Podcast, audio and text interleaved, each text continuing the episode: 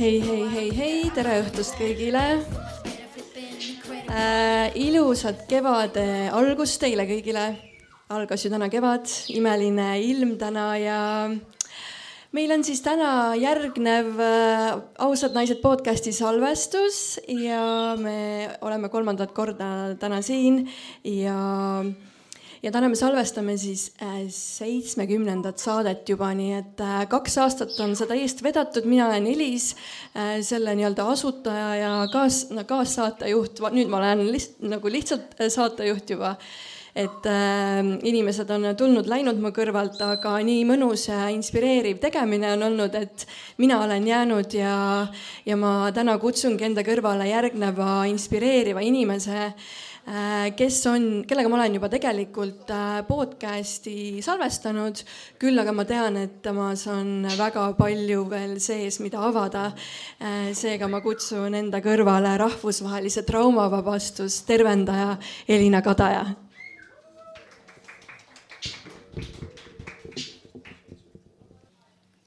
nii tore näha sind, Elina. nii meeldiv äh, sinuga on alati hästi nagu tore vestelda ja sind on alati nagu tore näha, et kuidas sa ennast praegu tunned?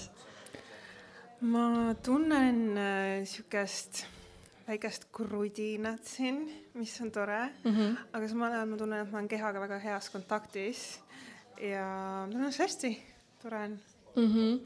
mina ütleks, et kui ma tegin esimest korda, siis ma nagu lausa värisesin, nüüd kui kolmas kord on, siis ma juba tunnen ennast juba vaikselt mugavalt, sest äh, on juba nagu tehtud mõnda, mõned korrad, et äh, et selles suhtes äh, podcast saigi alguse tegelikult ju minu hirmust, et kartsingi ennast väljendada ja nüüd olen siin nii-öelda vahetult inimeste ees, et see oligi minu tegelikult selle aasta mõte ka, tulla natukene rohkem mugavustsoonist välja äh,. aga äh, sa oled ennast tituleerinud, et sa oled rändaja, tervendaja, õpilane, juhendaja, et kõik on ühes jah, et kes sa oled siis kes ma olen, see on äh, kuld, kuldne küsimus ähm,. kes ma olen? ma olen ähm,. ma olen see, kes ma olen. täna ma olen see täna sa oled sellises äh, energias, siukse energiaesindusega. Mm -hmm. jaa äh,. sinu nime sees on ka sihuke äh,, sa vahepeal küll mainid seda, aga vahepeal ei ütle, et, et Sofia, et tituleerid end kui Elina Sofia all, et mida see sinu jaoks tähendab?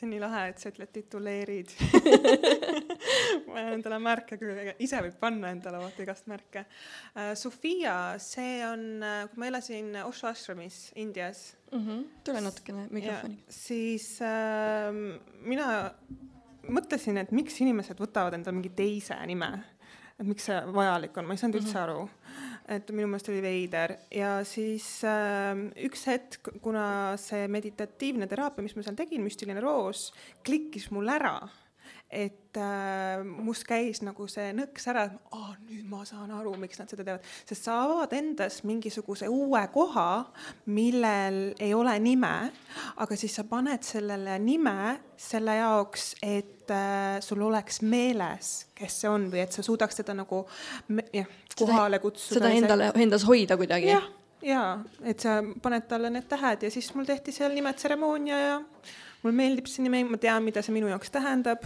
Äh, et see tõlkes tähendab siis path of love, mis tähendab armastuse teekond mm. -hmm. ja siis ta nagu hoiab mul fookust.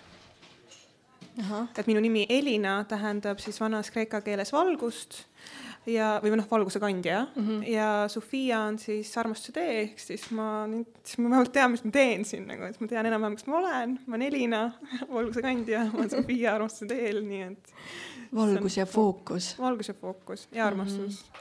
-hmm. ja ilus äh, mind huvitab tegelikult, et milline näeb üldse välja sinu igapäevane argipäev, et, äh, et ma tean, et sinu elus kuigi palju nagu rutiine ei ole, et, äh, et võib-olla nagu jaga, et mis sa nagu väljaspool teraapiat ka teed kust sa tead et...? või noh, ma ei tea, vaid või noh, nagu tean seda lihtsalt, et sul on hästi nagu palju tegemist ja sa teed erinevaid asju mm. -hmm Äh, ma proovin jah hoida endal äh, tasakaalu selle vahel, kui palju mul on asju graafikus ja kui palju mul on spontaansust, et mul selline nagu mees ja naispool äh, elustiilis oleks mm -hmm. esindatud. jälgid seda nagu niimoodi teadlikult? jah, et mul oleks vaba aega. Ja mul on perioode, kus mul läheb graafik täis, sellepärast et on ikkagi vaja inimestega ju kokku leppida, kui sa tahad nendega kindlasti kokku saada ja, ja midagi on vaja tehtud saada.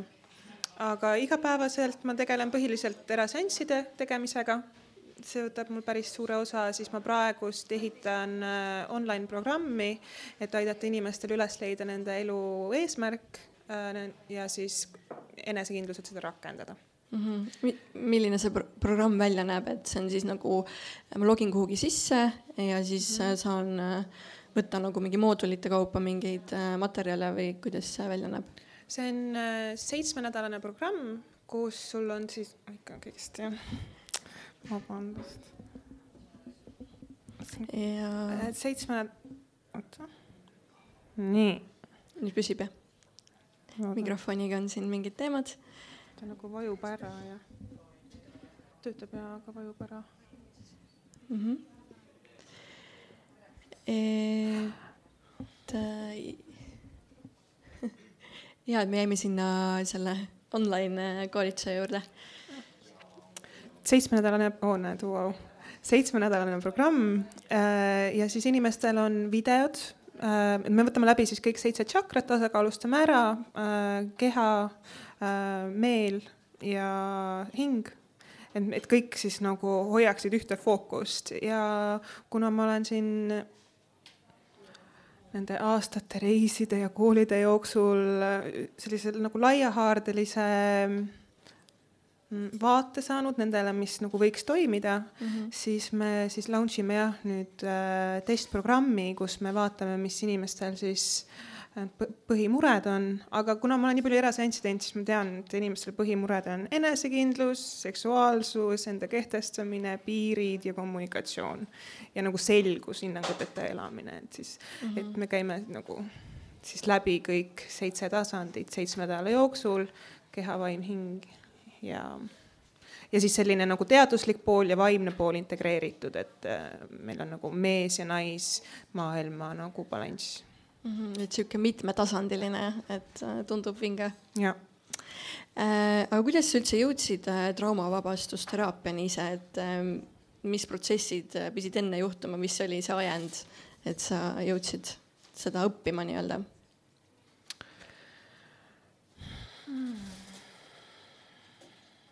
No mul kirjutati antidepressandid. Ja siis ma noh, ei suutnud nagu rõõmu tunda millestki, sest mingi asi ei teinud kurvaks, mingi asi ei tee rõõmsaks, täitsa siukene nagu apaatne jah, ja ma ei saanud niimoodi oma tööd teha, sest ma pidin ikkagi hoolima ja ma pidin nagu, mul oli selline olukord elus, kus mul oli vaja nagu et ma oleksin kontaktis sellega, mis toimub, mitte et ma oleks ennast ära lõiganud sellest, mis toimub. Et see oli eluliselt oluline minu jaoks. Ähm, ja siis äh, hakkasin tegelema meditatsiooniga kõigepealt, et peast kehasse tulla, et ma saaks magada, siis ma võtsin unerohte ka, et ma magama saaks üldse jääda, sest et mul töö oli nii intensiivne, et ma magama minnes, noh, ketras on ju, et äh, meditatsioon aitas mind sellest välja ja traumavabastusse ma jõudsin, et kõigepealt ma läksin kehatööd õppima, sest et tundus äge, et mind masseeritakse nädal aega kuskil koolitusel. ja pärast seda juhtus olema kohe traumavabastusõpe ja, ja see muutis mu elu selles mõttes, et kui ma nägin, millised inimesed seal olid, kes sinna koolitusele tulid ja milline mina olin, siis äh, mul oli endast väga, väga kahju sest et ma tundsin, et nendel on palju parem kontakt rõõmuga, nendel on palju parem kontakt oma keha ja teineteisega. et äh, ma ise olin selline nagu rohkem nagu hirmus ja eraldatuses või mm.? hirmu ajendil siis nagu tegutsesid mm,? nagu oma elus või?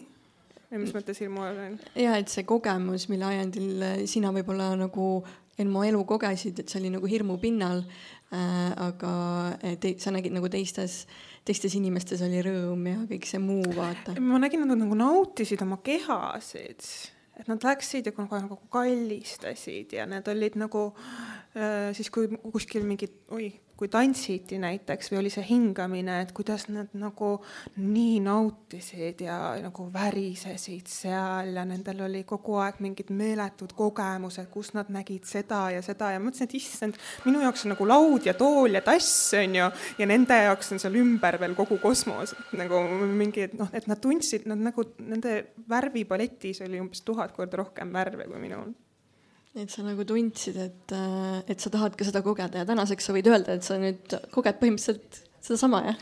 jah, täna ma võiks öelda, et nüüd mul on nagu, tegelen sellega, et endale piire panna, et ma kõike ei pea kogema, sest et mm -hmm. noh, mhm. närvisüsteem äh, suudab vastu võtta nii palju, kui tal on tasakaalu.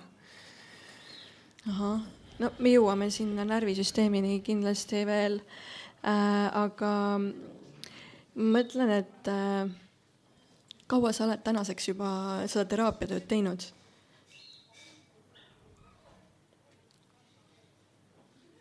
viis aastat, neli pool, neli pool, viis, neli pool vist jah, jah, neli aastat. päris pikalt juba, jah? no ma olen intensiivselt sellega tegelenud küll jah, selles mõttes tundub pikem aeg, sest et ma võtsin endale nagu alguses öeldi fookuseks, et ma ei tegele millegi muuga mm. -hmm. ma ainult teen seda ja ma õpin asju, mis seda toetavad. et, et sa saad öelda, et sa armastad seda, mis sa teed? aa, kindlasti, jah. see on nagu kõige, kõige olulisem asi tegelikult üldse, et me leiaks töö, mida me armastame ähm jaa, et äh, ma mõtlengi seda, et kui sa nagu tegeled nende inimestega, siis äh, mis on see, mis sa ise nagu sealt saad, et mis see, mis sind ennast paelub, kui sa näed teist nagu muutumas või midagi vabastamas või mm. -hmm. et see oleks nagu mu küsimus sulle no kindlasti, kui inimene tuleb protsessist välja ja ta nägu on muutunud, siis see on hindamatu väärtus ja noh, näiteks see oli eile ma sain äh, sõnumi ühelt naiselt, kes tuli minu juurde murega, et ta ei taha oma mehega seksida. ja siis mul oli, issand, et mul oli ka kunagi selline mure, et ma ei tahtnud oma mehega seksida ja et ma saan teda aidata ja see oli minu jaoks, äh, et ma sain nagu rakendada kõike seda, mida ma olen õppinud ühe inimese peal ja ta kirjutas, kirjutas mulle eile, et see mure on nüüd lahendatud. et ta on nüüd elevuses ja kirjeldas mulle, mis kõik toimus ja et kõik need asjad, mis ma nagu neli aastat ähm, äh, õppinud, katsetanud, et, et olla ühenduses mitte ainult selle füüsilise kehaga, vaid selle ruumiga, mis on meie ümber mm, -hmm. et ma suudan seda kahe tunniga edasi anda ja see ähm, noh, ma oma kogemusest tean, kui palju see elus äh, muudab, kui sa oled oma seksuaalsusega kontaktis, see on mega, aga ja kui sa selle ära kaotanud, kui suur õnnetus see on mm. -hmm. ja kui sa selle tagasi saad, siis see on nagu ja kui ma saan seda edasi anda, siis see on nagu. ma olen kuulnud ka, et me tõmbamegi ligi inimesi äh, samade muredega, mis meie enda sees on olnud, et äh, kindlasti sa oled seda ise ka nüüd kogenud, on ju, sa just rääkisid, on ju, et üks, üks äh, kogemus oli, aga, aga noh, ongi, et äh, kindlasti on neid hästi mitmeid tahke nagu sinus esile toodud erinevate klientide poolt. Mm -hmm. Aga ma tahakski uurida, et meil kõigis on sees nii-öelda valgus ja vari, et kuidas äh, sina enda äh, varjuga oled nagu tööd teinud? mina oma varju õpin armastama äh, pidevalt, et äh, vari minu jaoks on selline inimeseks olemise osa, et kui sulle päike peale paistab, siis kuskil selja taga või ees on sul see vari ka, sest sul on keha ja su kehal on ähm, vajadused. ja jah, kui, kuidas ma oma varjuga tegelen, on selle armastamine ja selle lubamine. et ähm, luban endale emotsioone luban endale pahesid, luban endale noh, näiteks selles, et rutiin versus mitterutiin on ju. et äh, luban endale jäätist ja kõike see, suhkrut näiteks luban endale, et ma olen oma elus ennast väga palju hoidnud mingites dieetides ja meeletutes nagu raamides mm. -hmm. äh, aga jah, minu enda varjuarmastumise teekond on see, et ma luban endale tasakaalu nagu. ja ma olen sinuga nõus täiesti, et äh, ma ise just ka postitasin ühe, ühe, kus ma noh, rääkisingi sellest, et kõik meie osad võiksid olla nähtavad, et me toome nagu kõik osad nähtavaks, et ei ole seda, et, et ma üritan enda võib-olla mingid ähm, noh, et ma tahangi olla mõnikord mingi sihuke lollakas veidi, et ma nagu varjan seda, sest et see on minu sisemisele lapsele tegelikult tervendav, et ma olen vahest selline, et ma ei pea olema nagu kogu aeg mingi intelligentne ja selline hullult nagu Äh, viisakas, vaata. et, äh, et nagu kõik äh, osad nagu inimestel nähtavaks, et see on ainult nagu tervendav ähm, aga mis sul on olnud võib-olla siuksed kõige suuremad ahaa-momendid, kui sa oled iseendaga nagu tööd te teinud, et mis sa oled nagu iseendas nagu avastanud? Vau, et ma selles situatsioonis käitusin varem niimoodi, aga nüüd on mul hoopis vau, nee, vaata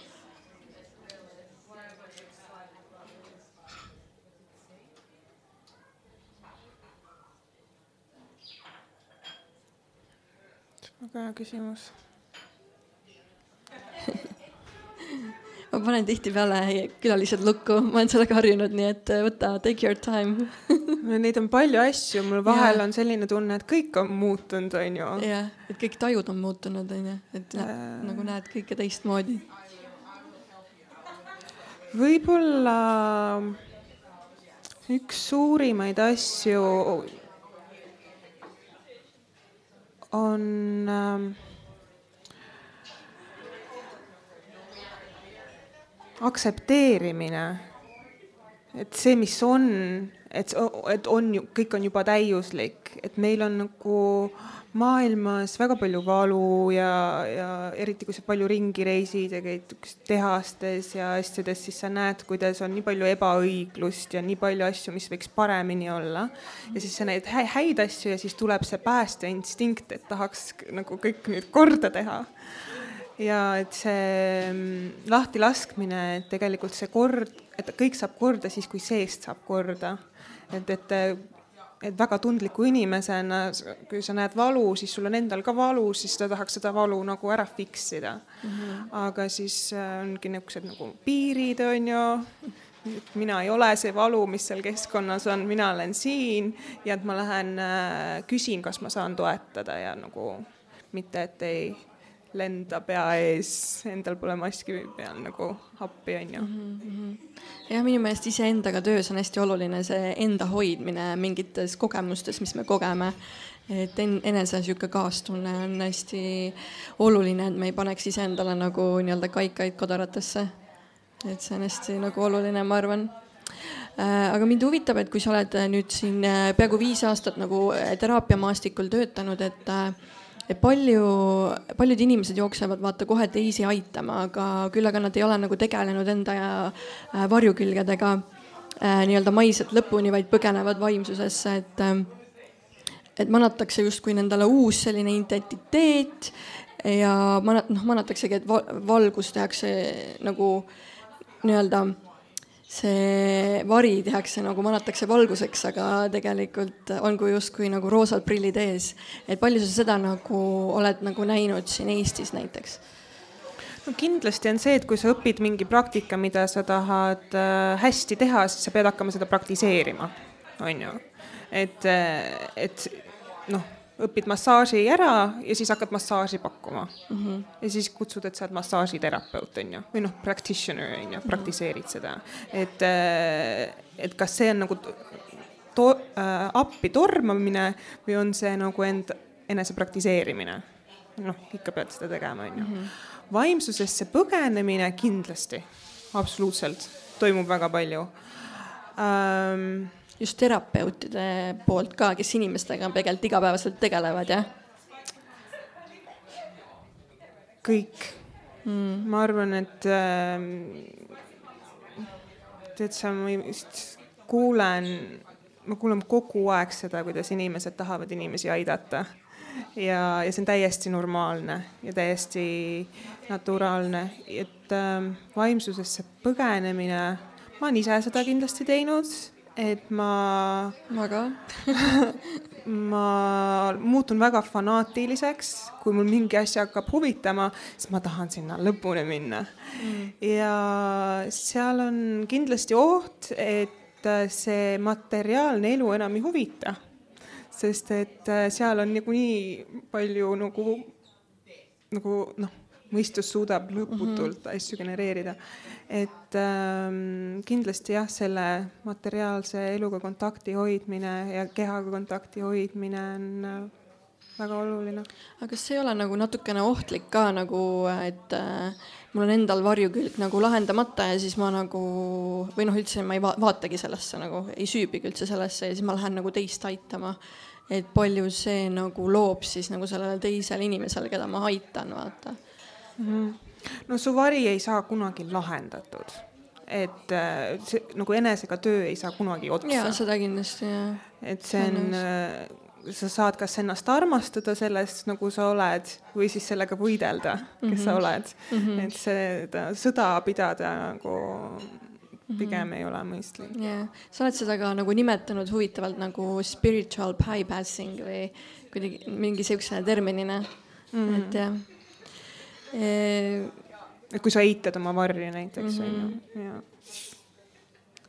jah aga sa oled Saaremaalt pärit muide, et äh, kui sa nagu äh, palju on nagu sinu nagu niisuguseid äh, sõpru, kellega sa varem suhtlesid ja nüüd, nüüd nad nagu on äh, näinud sind ja mõtlevad, et äh, Elina, kuule, sa oled ohuu, et palju, palju selliseid inimesi on et sul on niimoodi öeldud no varem oli kindlasti rohkem, aga nüüd on vähem, sellepärast et kui nad minuga kokku saavad, siis nad näevad, et ma tegelikult äh, olen paremas kohas, kui ma olin ennem uh. -huh. et äh, sõprade ringkond on kindlasti muutunud, absoluutselt, aga ma tunnen enda jaoks, et palju ägedamaks, et need inimesed, kellega ma praegu resoneerun, ma nendega ei oleks resoneerunud äh, kuus aastat tagasi näiteks kindlasti mitte mm -hmm. viis aastat tagasi mitte, ilmselt mitte ka kolm aastat tagasi. et pidevalt, kui ma ise nagu oma sagedust tõstan, siis ma nagu resoneerun teistsuguste inimestega ka.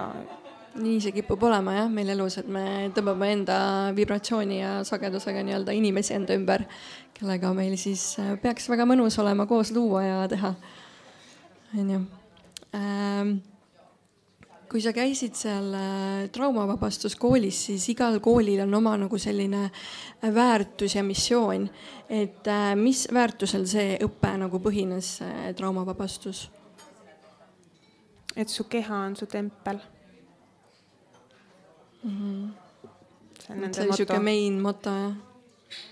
tegelikult nii ongi, et mina ise ka usun, et keha räägib meiega tegelikult igal hetkel, ainult kas me oskame nagu seda kuulata et äh, peaksime seda õppima ja noh, Elina siis aitabki meil seda teha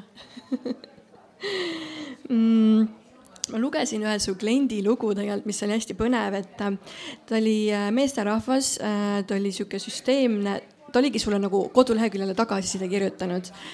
ta oli süsteemne, materiaalne, käis, ma ei mäleta, mingis koolis õppis psühholoogiat vist, et äh, et ta kohtus sinuga ja tema nagu äh, maailm nagu täiesti nagu avardus, et ta nagu, eh, et noh, me saame ühest küljest aru, et materiaalsus on oluline, aga ta nägi ka seda nagu inimeseks olemise seda teist poolt, teist külge, seda hingemaailma, vaata. et äh, see oli nagu nii võimas, et sa nagu avardadki inimeste nagu tajusid ka selles mõttes, et ta näeb nagu seda teist külge, et kui palju on äh, selliseid momente või sellist tagasisidet veel nagu inimestelt tulnud? see on põhiline, eriti veel, kui inimesed ei ole selle üheksakümne üheksa protsendiga kokku puutunud, mis alateadlik maailm on, et kui on selle ühe protsendi selle maine peal. maisega jah, ühenduses oldud, et ähm, jah, see on iga kord ja isegi need inimesed, kes praktiseerivad regulaarselt mm, -hmm. siis äh, nendel on ka nagu see nad võivad tulla mul seitse korda, võtta kogu paketi ja seitse korda, iga kord see on nagu sibula koorimine, et nad lähevad sügavamale mm. -hmm. ja, okay. ja see, kui on mingi kogemuse tahet, midagi väga ei olnud, siis see on äh, tavaliselt siis, kui inimene ei usu. et usk on ikkagi kõige tähtsam asi et ta hakkab ise saboteerima oma kogemust, läheb pähe kinni ja analüüsib kogu aeg, sest et alateadvus on siin kehas mm. -hmm. ja sa ei saa mõelda selle peale, mida sa koged, sa pead kogema seda, mida sa koged jah, see tundub mõistuse jaoks, kui sa ei ole sihukese asjaga harjunud, siis sa oled hinnanguline kohe selle kogemuse suhtes, et see on midagi imelikku, see on voodut ja see ei sobi mulle ja siis äh, minnaksegi uks paugutades minema. on sul on sihukest kogemust nii õnneks ei ole olnud, et ma, mul on tehnikad, kuidas ma inimesed nagu toon ikkagi kehasse ära ja ikka läheb, läheb ühendusest, ma olen ise väga suur skeptik Aha. et usu või mitte, ma olen kogu oma teekonna käinud niimoodi, et ma alguses olin väga peas aga siis õnneks mind nendesamade tehnikatega toodi sealt tagasi, et, et mm -hmm. nüüd ähm, nüüd ma olen jah nii kehas, et ma proovin piire seada, et ma ei peaks tundma kõiki asju. nüüd sa oled nii tasakaalus no see tasakaalu kogu aeg otsin. see on nagu elukestev õpe. aga mitu korda nädalas sa kliente vastu võtad praegu? et kui tihe sul see graafik on siis?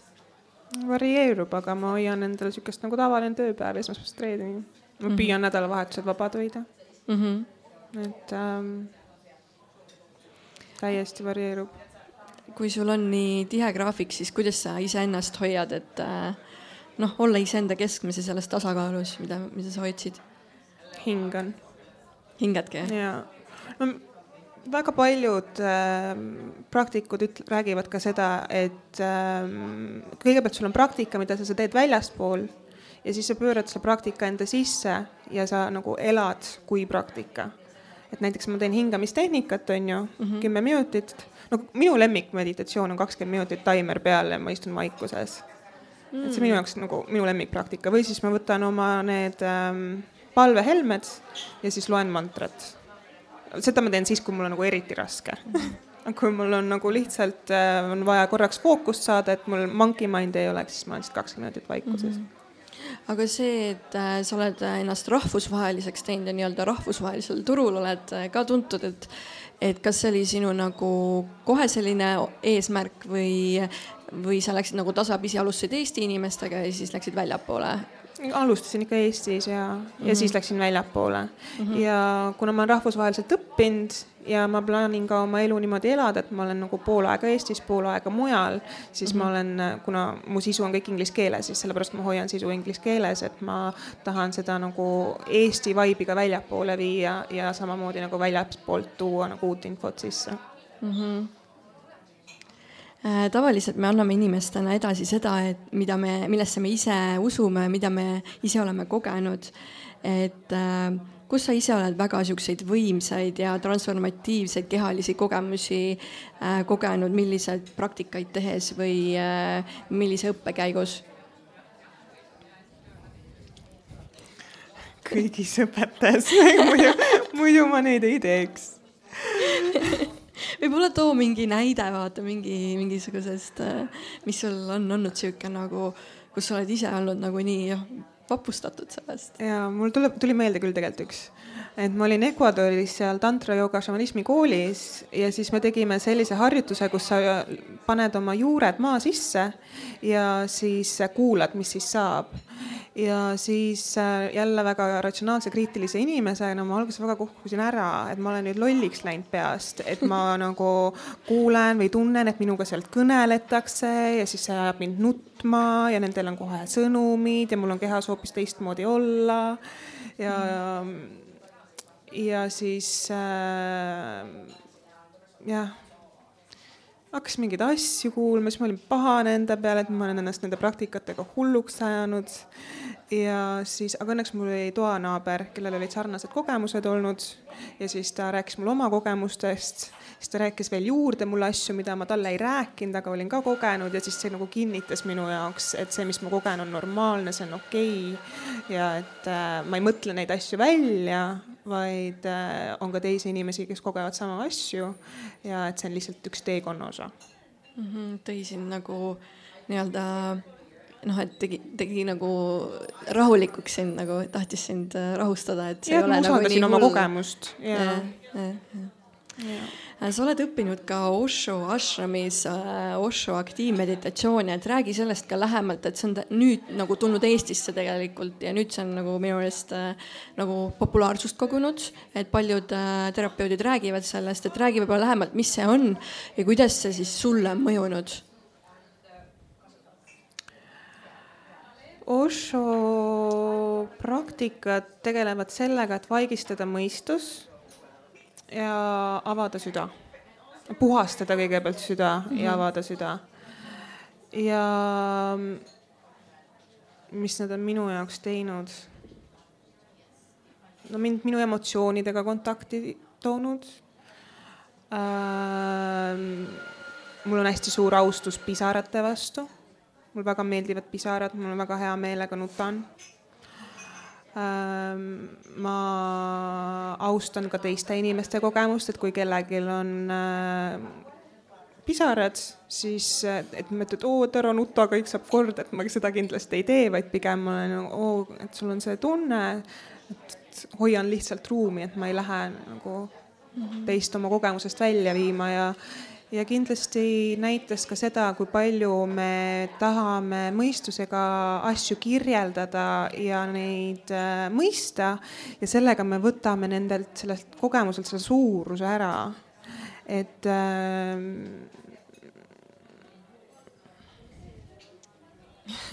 ma ei oska seda nagu sõnadesse panna. ja aga..., et sa paned nagu selle noh, lihtsalt kõrvale selle see ja võtad selle kogemuse.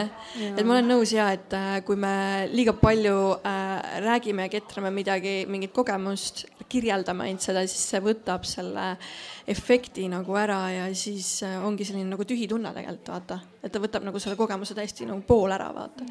et nii palju on piinatud geeniuseid, filosoofe, kes püüavad kirjeldada Jumala olemust ja kogemust ja siis on meil religioonid ja siis muudkui kedratakse ja kedratakse ja siis kakeldakse ja siis on nagu ka võiks ju lihtsalt kogeda ja armastada jaa, aga Osho aktiivmeditatsioonid äh, räägi võib-olla nagu sellest, et äh, noh, mina olen näinud, et grupp inimesi tulevad kohale, nad hakkavad raputama, raputavad mingisugune kuuskümmend minutit, siis tuleb järgmine päev, siis nad teevad veel midagi, et äh, võib-olla seda nagu poolt ka, et äh, mis äh, protsessid nagu toimuvad, kui inimene sinna läheb ja selle ette võtab mm. -hmm sa praegust vist rääkisid äh, Kundalini meditatsioonist, mis on siis äh, tunniajane meditatsioon, kus sa viisteist minutit raputad, viisteist minutit tantsid, viisteist minutit oled äh, vaikuses, kuulad mm -hmm. ja viisteist minutit kaod ära mm. -hmm. et see esimene viisteist minutit sa raputad lahti oma elujõu energia, Kundalini energia ja lõdvestad närvisüsteemi.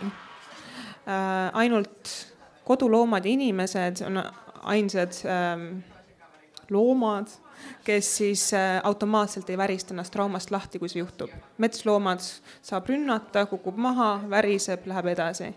selle värinaga me siis oma, lõdvestame oma närvisüsteemi ja avame kundaliini ehk siis elujõu energia. tantsimisega me tõstame selle ülesse, et tantsimine on kõige kiirem viis, kuidas oma vibratsiooni tõsta siis on elujõu energia kõrgele tõstetud mm, -hmm. kõrgele tõstetud ja siis äh, viim-, siis viisteist minutit jälgitakse et sa oled oma, oma energiakogemusega kontaktis, kuidas energia tõuseb ja siis äh, viimased viisteist minutit äh, kaod ära, ei jälgi mitte midagi ja siis on see kogemus, kus sa saad oma sisemisi visioone, rändad dim dimensioonides, lähed, koged. oled. mis sul vaja on ja saad oma vastused mm. -hmm kas seda siis peab tegemagi kakskümmend üks päeva või on need ainult kahekümne ühe päevased või saab nagu teha mingi, et ma lähen ühe korra ja sellest nagu piisab ühele inimesele? no sa oled ühe korra, sa saad kindlasti efekti, et ähm, need paar korda, kui ma olen teinud seda kakskümmend üks päeva mm, -hmm. siis alguses me hakkasime õhtuti tegema mm, -hmm. aga see andis inimestele nii suure nagu boost'i, energeetilise ja fookuse ja enesekindluse, et nad ei saanud enam magama õhtuti mm. -hmm. ja siis me hakkasime hommikuti tegema ja siis sellest on iga kord sündinud imeliseid, kas mingid äriprojektid või mingisugused suured elumuutused kolimiste suhtes. Ähm, et, et kui sul on enesekindlus, energia ja fookus, siis imelisi asju. siis sa võid kõike korda saata, onju. lahe ja ma ise nagu mäletan, et ma käisin ka äh,, aga ma, ma täpselt ei tea, mis selle nimi oli, aga ta oli ka Oshoga seotud. et Oshol on ju neid erinevaid, vaata hästi mitmeid. et äh, ma kakskümmend üks päeva ei teinud, aga ma käisin äh, mingi nädalas kolm korda hommikuti, ma tean, üks päev oligi see Kundalini oma, siis oli üks äh, karjumine padjaga, mingi karjusime täiega kõik välja. ja siis kolmas oli selline hmm,, ta oli vist sihuke tantsulisem natukene mm. -hmm. enam täpselt ei mäleta, aga see oli ka päris võimas jah, et seda sai nagu kolm nädalat või neli nädalat sai järjest niimoodi käidud saaks sellise võrdluse tuua, et äh, ütleme, et sinu alateadvus on nagu emamaa, onju. ja siis, kui sa puurid äh, väikese augu, ütleme, et üks meditatsioon on üks väike auk, siis sa näed enda sisse, oo, näe, sellised mullakihid on olemas, onju, oo, ma olen seestpoolt selline, väga äge. aga nüüd, kui sa teed selle augu ühe meditatsiooniga hästi sügavale, siis kuhu sa lõpuks välja jõuad noh, mõned äh, puurivad õli näiteks, saavad lõpuks kätte, on ju, aga et siis hakkab välja tulema see äh, kuld nii-öelda sinu seest, kui sa lähed ühe asjaga hästi pikalt lõpuni mm.. sest iga, iga kogemus on erinev, sa võid, sa võid teha aasta aega iga päev ühte meditatsiooni, sul on iga päev erinev kogemus mm., sest et kogu aeg sa lähed sügavamale. sa ise siis juhendad neid aktiivmeditatsioone? jah. kas nüüd järgmine on ka millalgi tulemas? Ja kolmapäeval äh, loovruumis kell seitse mm. -hmm. see on siis kahekümne kolmandal. nüüd. ahah, need siis inimesed äh, saavad tulla, kui nad tahavad. lihtsalt ma mõtlengi, et see kakskümmend üks päeva võib nagu korraks ära ehmatada inimesi, et ei tea nagu, kas sellest osa võtta, aga hea, kui nagu saabki sellise nagu ühe ampsu vaata, inimesed saavad nagu korraga mingi kogemuse ja siis nad teavad nagu, mis neid ees ootab ja võib-olla nad saavad siis tulevikus äh, võttagi see kakskümmend üks päeva. kolmapäeval me teeme küll hingamist ilmselt aga see on äh, tantra nagu põhi, et Osho on siis tantra läänetooja, on ju, ja siis tema meditatsioonis hingamine on põhiosa ja kui sa hingamise saad käppa, siis ülejäänud asjad on nii palju. tulevad.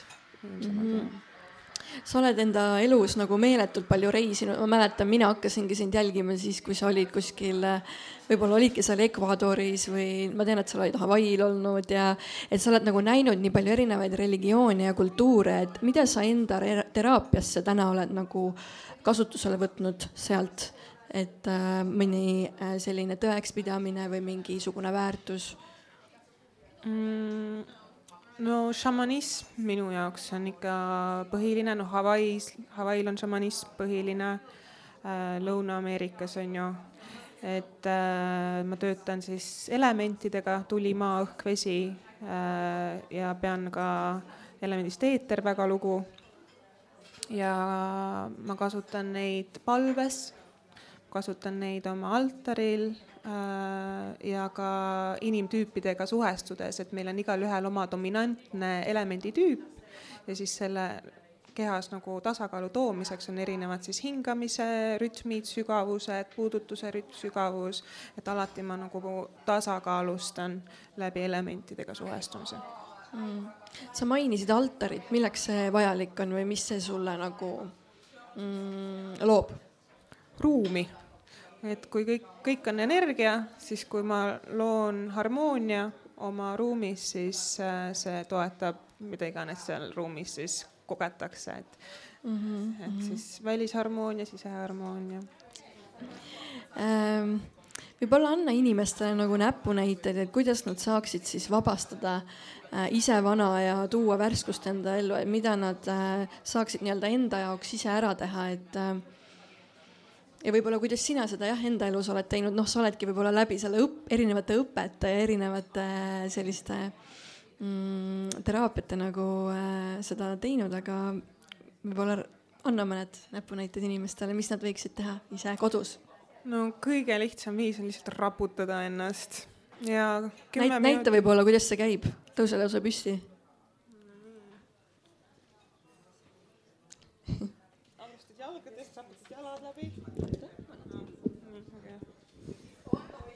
Et raputad jalad läbi, kõik liigesed, põlved läbi, puusad läbi, kõik organid, kõik luud, lihased üksteise küljest välja ja üsna nagu agressiivselt lõpuks.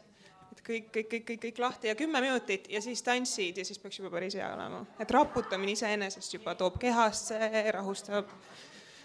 See on jah, kõige lihtsam viis, see on üks viis ja siis äh, teine viis, kui ei saa raputada parasjagu oleks kohvikus või midagi siis äh, keel torusse niimoodi. ahah, no kes saab, onju mm. -hmm. ja siis läbi selle toru niimoodi hingad rahulikult sisse-välja, et kümme sekundit sisse, kümme välja ja siis peaks ka närvisüsteem juba maha rahunema ja ma olen, äh, ma olen, kui mul endal on ärevus olnud, siis ma olen ka seda raputust teinud ja see on tõesti väga tõhus, ta toob äh, kohe selle, muudab seda seisundit ja kui kehas seisund muutub, siis kohe meeles ka läheb nagu asi kergemaks, ei mõtle nii palju üle.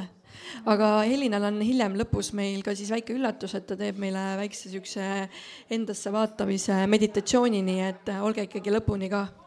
et väike sihuke üllatus aga lähme siis ja lähme siis keha juurde ja, ja ma tõesti nagu ise usun äh, meie keha äh, kehasse nagu, noh, ma usun, et meie keha on nagu räägib meiega ja kui sinna ongi kehasse on talletunud erinevad sellised toppamised, kinnijäämised, siis me tõesti saame ka keha kaudu seda nagu vabastada, et kui, kui intelligentne siis see meie inimese keha on, et mida sina nende aastate jooksul oled kogenud, kui oled oma tööd teinud, et mis on sellised ka jälle nagu vau wow või ahhaa momendid? keha, keha intelligentsusest? jaa.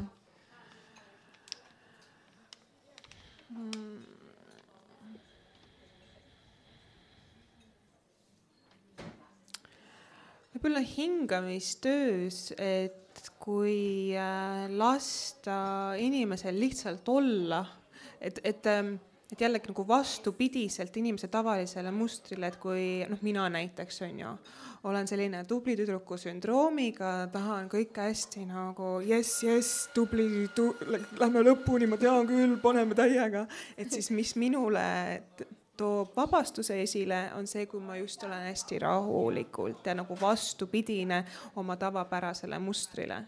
et üks suuremaid ahaa-momente on olnud minu jaoks siis äh, see mustri muutmine äh, läbi jah, vastupidise mustri tekitamise või noh, sihuke äh, muudad lihtsalt seda tavapärast reageeringut on ju, ma arvangi, et see võib-olla ongi selline nagu kõige äh, väljakutsuvam meie inimestel, sest me oleme nagu harjunud ühtepidi kindlas situatsioonis vaata reageerima, et seda nagu muuta, siis seda teadvustada, et ahaa, Elis, kuule, see on see koht nüüd, kus sa pead teistpidi vaatama, äh, nagu käituma. et see on nagu väga väljakutsuv, et palju nagu sul on nagu mõne mustri muutmiseks nagu aega läinud? oled sa nagu seda nagu tähele pannud või kuidagi palju sihuke töö iseendaga nagu võtab aega? No ma arvan, et mõni muster võtab võib-olla üks hetk otsustamise moment, teine võtab äh, aastaid ja paljud kestavad siiamaani, et ma ja, arvan, et enda jah, jällegi mustrite armastamine ka on ju, et okei okay,, mul on selline muster juba näiteks astroloogiliselt kaasa antud, kuidas ma seda mustrit saan nüüd enda kasuks kasutada, mitte et ma hakkan ennast nagu äh, mõtlema, et oi, mul on see muster, see on paha asi, et ma selline olen. äkki mul on see muster selle jaoks, et see toetab mingisugust valdkonda, kus ma saan seda kasutada mm. -hmm, mm -hmm. meil tuli üks küsimus ka siin vahepeal, et, äh, et kust üldse tekivad meisse need negatiivsed mustrid, millesse me end tihtipeale nagu ära kaotame, et, äh, et see on ühe inimese poolt siis küsitud mm. -hmm no neid kohti on palju. mõni on äh, vanemate poolt õpitud, keskkonnast õpitud, koolist, sõpradelt, telekast, äh, kust iganes me informatsiooni näeme. Ähm, ja siis on ka noh, astroloogiliselt on ju, et see hetk, kui sa oled sündinud, mis energiat maailmas kohal olid ja siis see loob sulle mingisuguse mustri, on ju mm. -hmm. ja siis ähm, koolis, mis me õpime, on ju. noh, see inimene juba küsib sealt pinnalt vaata, et ta on nagu iseendas nagu märganud, et tal justkui on vaata midagi, et aga ta ei mõista, et kust see on tulnud ja miks see minuga on ja mis ma siis nüüd sellega nagu tegema peaks, et võib-olla siis, mis on see esimene asi, mis ta nagu võiks teha kui ta märkab endal mingit mustrit, mida ta tahaks muuta mm. -hmm. Nad ei oska nagu ise vaata sellega nagu midagi teha.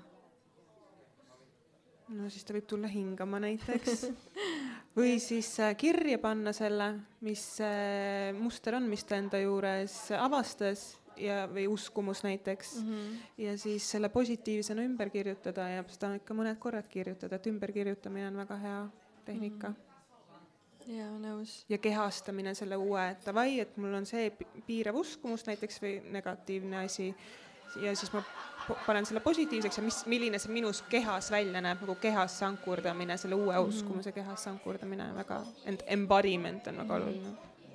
ja, ja võib-olla noh, märgatagi, et kui ma olengi selles äh,, olengi selles nagu mustris, on ju, et kuidas ma siis kehas seda tunnen või kus ma seda võib-olla tunnen, on ju. Mhm. ja, et milline see mu keha muudab, milliseks see mu keha muudab. ja, ja mm. -hmm. ähm, aga närvisüsteem ja hingamine on omavahel nagu väga tugevalt seotud. et äh, räägi natuke võib-olla närvisüsteemi olemusest, et see on äh, see on ka samuti nagu paljuski ju ärevusega seotud, et meil praegu noh, on ühiskonnas väga palju ärevust seoses nagu üleval, et äh, räägi mulle natukene närvisüsteemist ähm,. noh, närvisüsteem, kui meil on ärevus üleval mm, -hmm. siis me oleme selles võitle või põgene režiimis, on ju, kus ähm,, kus keha toodab äh, adrenaliini, stressihormooni ja ja siis keha näiteks ei tegele seedimisega väga palju, siis on väga palju ülekaalulisust, mis, mida see tekitab. ja kui me sealt ei õpi maha tulema, siis ta jääb sinna pidama ja siis tekivad näiteks ka suured, noh, siia diafragmasse hakkab sidekude kogunema ja siis see mõjutab seedimist, on ju, ülekaalulisus, siis see mõjutab maksas hakkavad mürkained kogunema ja siis see sidekude koguneb lõpuks siia südame ümber ja tekivad südamerütmi häired. et äh, mul tihti tulevad sellised inimesed ka sensile ja siis me hakkame siit seda diafragmat lõdvestama, vabastama, siis siit nad tunnevad, kuidas kude läheb väiksemaks ja ja, ja noh, lõdvene, lõdvestab ja siis rütmihäired ka astmat aitab sest astma samamoodi noh, kopsud, siit on kõik seotud, on ju, et kui meil mm -hmm. energia ei liigu, veri ei liigu, siis meil tekivad haigused mm. -hmm. ja mm, noh, kui küllusest näiteks rääkida, on ju, et külluse kanal, meil käed ja see on vastuvõtmise käsi ja kui siit on nagu kinni, energia ei liigu, siis meil on küllust raske vastu ka võtta. see on vasak käsi siis jah mm? -hmm. Mm. võtad vastu, annad, võtad vastu, annad aga ja kuidas me aru saame, et meil on külluse kanal kinni ja see vasaku käega on midagi, energia ei liigu siit? no ma arvan, et su elu, su elu on su peegel. ma olen väga põnev ju praegu su elu on su peegel, sa näed mm,. okei okay. äh,. aga kui suur mõju on siis meie mõtetel ja tunnetel meie kehale, et kui me noh, mõtleme, mõte tekitab tunnet, on ju, tunne tekitab mingi reageeringu meie kehas et, äh, et kuidas see nagu no tunded tekitavad mõtteid ka, on ju, et meil on mingi tunne ja siis me tahame mõttega seda lahti väljendada jah, need on nagunii niimoodi jah ja. vaheldumisi, et et isegi praegu räägitakse üha rohkem sellest, et äh, me kogeme, kõigepealt saame siia signaali, siis läheb pähe ja siis läheb uuesti kehasse. et, äh, et meie kõht on meie aju, on ju. Ja mm, -hmm. siis veel emakaga kogeme, kogu, minu meelest kogu meie keha on antenn mm, -hmm. millega me kogeme ja siis mõistusega me püüame lahti kodeerida, et aru saada, et mis nüüd siis juhtus või mis toimus, kuidas ma reageerima pean ja mm, -hmm. ja eriti veel, kui on see ähm, võitle või põgene aktiivne mm, -hmm. siis ähm, worst case scenario kogu aeg see, mis, mida ta tahab, kuidas ta tahab tõlgendada, on ju, ja siis meile väga meeldivad äh, sellised uudised ka, mis seda hirmu nagu siis peegeldaks ja hoiaks, et sellepärast me noh, uudised ju toodavad neid uudiseid, mida inimesed loevad mm, -hmm. kust saab klikke. Ja meile meeldib selline väike action kogu aeg, siis see on niisugune nagu vast, me ise toodame neid uudiseid ja me tegelikult ise toodamegi seda kerget ärevust, et oleks üleval kogu aeg sihuke nagu mingi vibra. jaa et..., adrenaliin on väga sõltuvusainet, sõltuvust tekitav aine mm. aga me võime oma kehale ju ka palju liiga teha, kui me mõtlemegi ju väga negatiivselt, et kuidas see meie kehale võib mõjuda negatiivne mõtlemine on ka sõltuvust tekitav mm. -hmm. et äh, klatš on väga sõltuvust, sõltuvust tekitav, on ju, muretsemine väga mm -hmm. sõltuvust tekitav, et justkui nagu äh, ma siis kuulun paremini, kui ma muretsen ka mingisuguse asja pärast ja, ja, ja, ja ma olen siis hooliv inimene, kui mm -hmm. ma mhm. muretsen, on ju et see on äh, kõik väga madal vibratsioon ja madal vibratsioon tõmbab ligi madalat vibratsiooni, et äh, noh, haigused või kogemused, et äh, et kõik on vibratsioon, mõtted on ka vibratsioon ja me ise toodame seda. ja ma arvan, me oleme elus ikka kogenud seda, et kui meil äh, oleme ise nagu siuksed närvilised, kogu aeg midagi juhtub, juhtub järgmine asi, juhtub kolmas asi ja siis nagu lõpuks oled nagu mingi närvipundar et nagu ilmselt, ilmselt kõik saavad samastuda. aga räägime trauma olemusest ka natukene, mis on sinu jaoks trauma? kui ma võin algul ise öelda, mis mina nagu olen nagu aru saanud ja siis sa võid nagu seda nagu täiendada või vastu lükata. et mina olen nagu aru saanud, et trauma on mingisugune emotsioon, mis tundus äh,, toimus minevikus.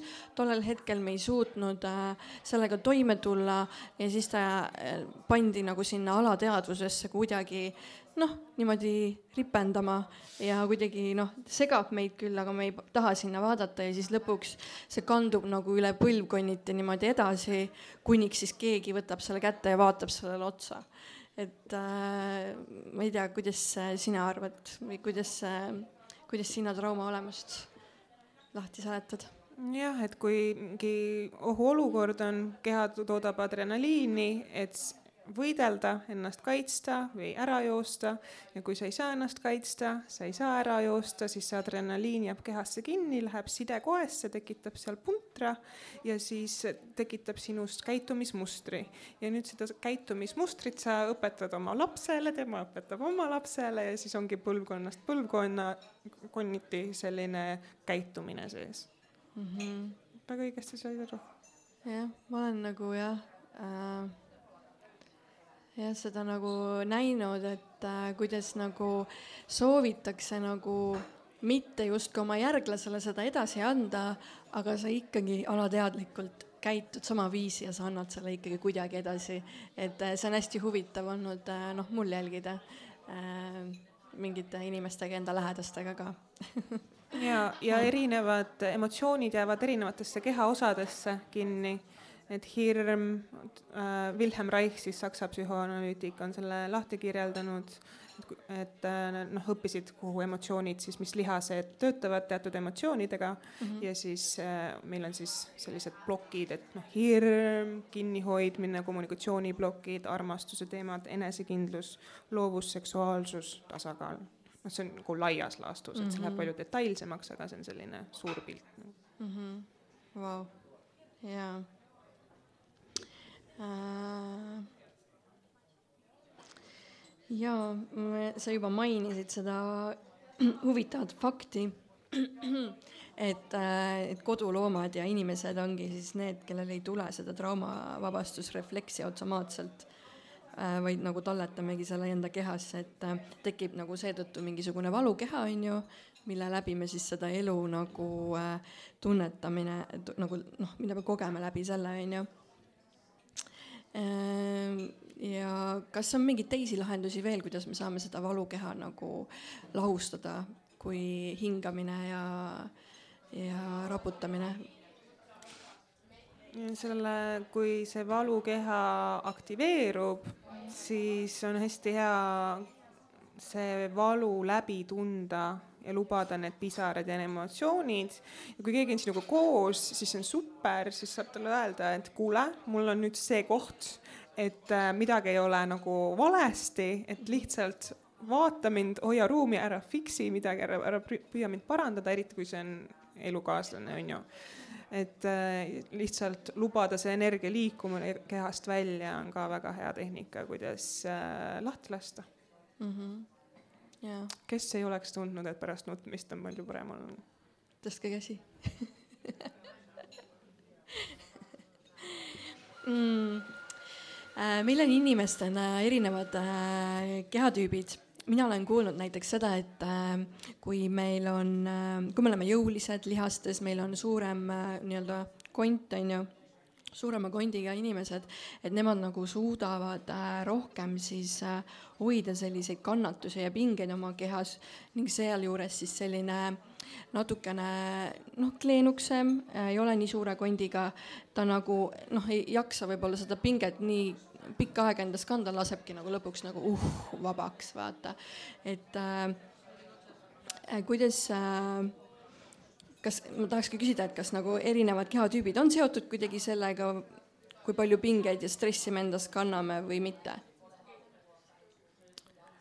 erinevad kehatüübid arenevad välja seoses sellega, millist sorti stress on kehasse talletanud mm.. jaa et äh, masohhist on selline, kes äh, äh, kellele meeldib valu ja, ja kes tekitab, äh, kes võtab valu vastu ja ütleb, et mina olen valuga okei okay,, give me more.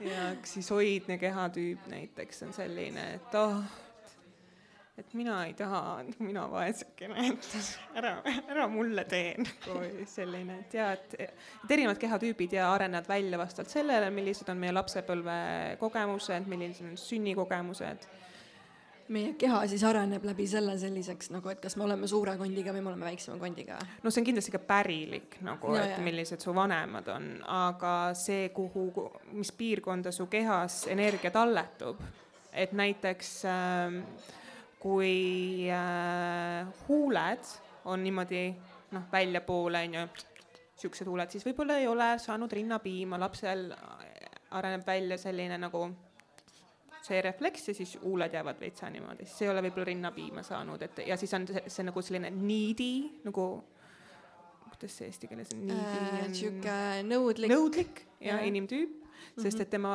vajadused on jäänud rahuldamata või pikad käed näiteks et siis on see, et reaching out, noh, esile ette püüdma noh, ühesõnaga, et siis tekivad nagu kehalised iseärasused vastavalt sellele, millest sa oled kas ilma jäänud või liiga palju saanud või kui vanemad on siin kasutanud näiteks ähm, äh, selle kaitsekilbina omavahel võitle, võitlemisel või mm. siuksed tavalised asjad aga jaga veel, mis kehatüübid on olemas, sa juba siin kahte näitasid, aga mis, milliseid veel on olemas? oleks täitsa huvitav teada, ma ei olegi neid äh, äh, neid nagu lugenud või kogenud või näinud keegi. ma võin jagada pärast seda materjali. jaa ja., teeme siis niimoodi ähm, aa, see ka huvitab mind, et äh, kui inimene tuleb sinu juurde, et kas siis sa visuaalselt juba näed ära, et kus tal see blokeering on, sa näitasid just ennem käega, et aa, siin peas on, on ju mingi hirm, on ju äh,, siin on äh, mingisugune on ju, eneseteostuse teema, et, et ei lähe kohe hingamisse, aga sa nagu tunned selle nagu kohe ära ja noh, sa näed visuaalselt, mis äh, kehapiirkond on äh, suurem, et sinna on energia kogunenud, kui on näiteks hästi peenikesed jalad, siis tal on tavaliselt vaja maandust jalgadesse tulla, et võib-olla tal on väga lihtne kehast ära minna, et siis nagu kahe jala maa peal olla. et äh, ja, ja kui näiteks kellelgi on ninaga probleeme, et kui ta ei ole just ninaluud mitu korda murdnud, siis võib-olla, kui on noh, siin blokeeringud, siis võib-olla solvumisega teema näiteks mm.. et äh, siis ninapiirkonda jäävad solvumised, siis on naispool, meespool, et mis kumb kehapool. näiteks just oli üks äh, olukord, kus mees ütle-, noh, tahtis mind testida veitsa, ütles nagu kuule, mis värk on, et mul on siin mis ta ütles, parem ninapool on kinni ja siit lööb nagu plokki ja siis siis me leidsime suht ruttu, et ta nagu on äh, oma isa peale solvunud, sest et ta isa siis oli tema suhtes väga kriitiline mm. -hmm. sai ta nagu mingit vabastust siis läbi selle? ta teadvustas seda? ta leidis jah, et on aeg isale andestada mm. -hmm. Mm -hmm. Ma ise olen ka kusjuures Elina seanssidel käinud ja Äh, ega Elina ei lase sul pikalt rääkida ega lobiseda, vaid ta paneb, läheb kohe kehatöösse ja, ja kohe nagu ähm, hakkas selline raputamine ja mingid liikumine pihta. ja, ja tõesti äh, see hingamine on nagu nii intensiivne, et sul mingil hetkel lähevad mingid kohad äh, sinu äh, kehas nagu krampi, et äh, mul läks lõug krampi, mul läksid äh, jalad krampi ja ma ei saanudki vahepeal nagu üldse nagu äh, üldse mitte midagi Elinale öelda, sest ma olin nagu täiesti krampis, ma ütlesin mingi help, help Elina siis Elina tuli vahepeal nagu äh, liigutas äh, noh, puudutas mu mingit lõuga ja niimoodi, et, et äh, milles see on, et need krambid nagu hingamise käigus äh, tekivad? no tegelikult siis, kui on väga suur äh, harjumus kontrolli hoida ja mitte lubada nagu loomulikke instinkte ja kui on ja hirm, noh, hirm ongi kontrolliga seotud, on ju et äh, siis, kui äh, see tekib, siis on vaja kas emotsionaalselt, emotsiooniga ühendust saada, see läbi tunda või siis füüsiliselt väljendada seda hirmukogemust. et, et noh, iga emotsioon, iga energia tahab olla väljendatud. Et äh, siis, kui sa ta ära väljendad või siis me ta noh, mehaaniliselt välja masseerime, tekivad mingid värinad, et energeetiliselt saab vabaneda ja füüsiliselt on ju, et siis äh, see on üks viis, aga no kõige parem on mm. muidugi see, kui sa saad selle emotsiooniga kontakti ja sa lubad endal väljendada, sest et siis hiljem sul jääb ka nagu see teekond selle emotsioonini alles, et sa oled oma emotsioonidega kontaktis, ka oma mm. varju emotsioonidega on ju, hirm ja nii edasi, viha ja viha on väga tore emotsioon, kui sa teda tunned enda kehas ja sa oskad seda rakendada. ja viha on ka väga loov, et mhm. sellega saab palju korda saata. et ma tõesti jah mäletan, et me, et sa tõid tähelepanu mingisse punkti, kus oli nagu parasjagu pinge ja siis me häälisime välja, et me nägimegi nagu erinevaid häälinguid, see oligi nagu mingi või midagi siuke igasugused siuksed huvitavad, vaata, et äh, tõesti on vabastav, et ma nagu täiega soovitan äh, igatahes äh, Elina juurde minna. Ähm, kuskilt ma sinu postitusest äh, ma lugesin, et peamine pro-, probleem, äh, mis tänapäeval inimestel ongi, on see diafragma juures on selline lõhe või äh, energeetiline lõhe, et justkui info ei liigu alt ülesse, et päiksepõimiku nagu teemad su, äh, nagu suuresti et mida see nagu tähendab, et oled sa mõistnud ka, et mis see põhjus on ja miks see enamus on, miks see enamus inimestel on? päiksepõimikus blokeering mm. -hmm. ja see diafragma nagu mm -hmm. juures? No ongi allasurutud viha ähm,, enesehinnangu probleemid, eneseteostusprobleemid, enesekehtestamise probleemid et äh, kui oma vihaga kontaktis, ei kehtesta ennast, on ju, et kõik on okei okay. mm. -hmm. Ähm, jah, eneseteostus, enesekehtestamine, enesehinnang ja siis äh, see loob ka sellise vöö seksuaalsuse ja armastuse vahel, et ähm, noh, nagu piiri või ploki, on ju, et siis äh, tahame ju ikkagist, et seksuaalsus ja armastus oleks omavahel seotud, mitte omavahel ära lõigatud. et väga tihti inimesed oma eneseväärtust leiavad materiaalsetes asjades ja siis tekib see veel eriti suur plokk sellepärast et see on väljastpoolt otsitud nagu leevendus sellele valule aga tegelikult noh, enesearmastus võib käia ka seestpoolt väljapoole, mitte väljastpoolt seestpoole, et nii on ta palju tervislikum, kui sa -hmm. suudad ennast armastada oma valguses ja varjus, nii nagu sa oled. et mida rohkem me nagu enda tunnetega kontaktis oleme, siis seda rohkem ka see ühendus nagu saab olla oma tunnetega kontaktis ja ka leiad enda, keskendud enda nendele kvaliteetidele, mis on sinu juures head. et, et jah, sa nagu oled teadlik oma nagu nõrkustest, aga sa hoiad nagu pilgu kogu aeg valguse poole mm. -hmm. fookus on nagu seal. ja et mitte, et oh, mis ma, mina vaesekene, et mul ema ütles, et ma ei saa kunagi hakkama ja siis. või ma usungi seda terve elu kas sinu arvates siis kehatöö on kuidagi efektiivsem kui äh, lihtsalt rääkimine, nõustamine, et äh, minu arvates võiksid need olla lihtsalt nagu noh, kooskõlas nagu või noh, et nad võiksid olla mõlemad käsikäes. et äh, kuidas äh, sina nagu oled tunnetanud äh,? noh, üha rohkem, no minu jaoks ka käsikäes ähm,. Aga vaata nagu kui me räägime, siis me kogu aeg ketrame endale ühte lugu ja kui see lugu ei ole kehaga kontaktis, kui see lugu ei ole emotsioonidega kontaktis, kui see keha, kui see jutt on ainult siin mõistuse tasandil, siis me kinnitame endale mingisugust äh, programmi, mis on meid sellesse hetkesse viinud, kus me juba oleme äh,. uuringud näitavad, et kui äh, selle jutu taga on ka emotsioon ja füüsiline kogemus, siis ta tuleb närvisüsteemist välja ja siis ta pärast enam ei mõtle, kui ta, kui ta on nagu kehaga kontaktis olnud, see jutt või see lugu. et äh, ma olen nõus, käsikäes kindlasti, aga ka käsikäes, sest et ma nii tihti näen, kui mõni tuleb äh, seansile ja ta põgeneb oma kogemuse eest selle, sellesse loosse mm. -hmm et äh, see lihtsalt ta enda nagu protsess jääb selle võrra väiksemaks, et seda lugu ta on kindlasti igale Marile juba jutustanud mm. -hmm. sellepärast mulle meeldibki nagu, et, äh, et see kehaga töö nagu, äh, ta toob sellest mõistusest täiesti ära, et sa saad nagu selle kogemuse korraks ja siis noh, sa saad uuesti oma mõistuse juurde tagasi minna, onju. aga, aga selles mõttes jaa, hästi efektiivne, aga lähmegi hingamise juurde, et kuidas sa tunned, kuidas täna inimesed hingavad ja kuidas nad peaksid üldse hingama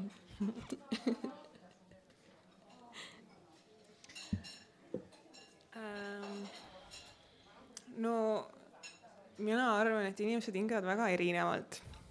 igal inimesel on kindlasti oma hingamisstiil äh,.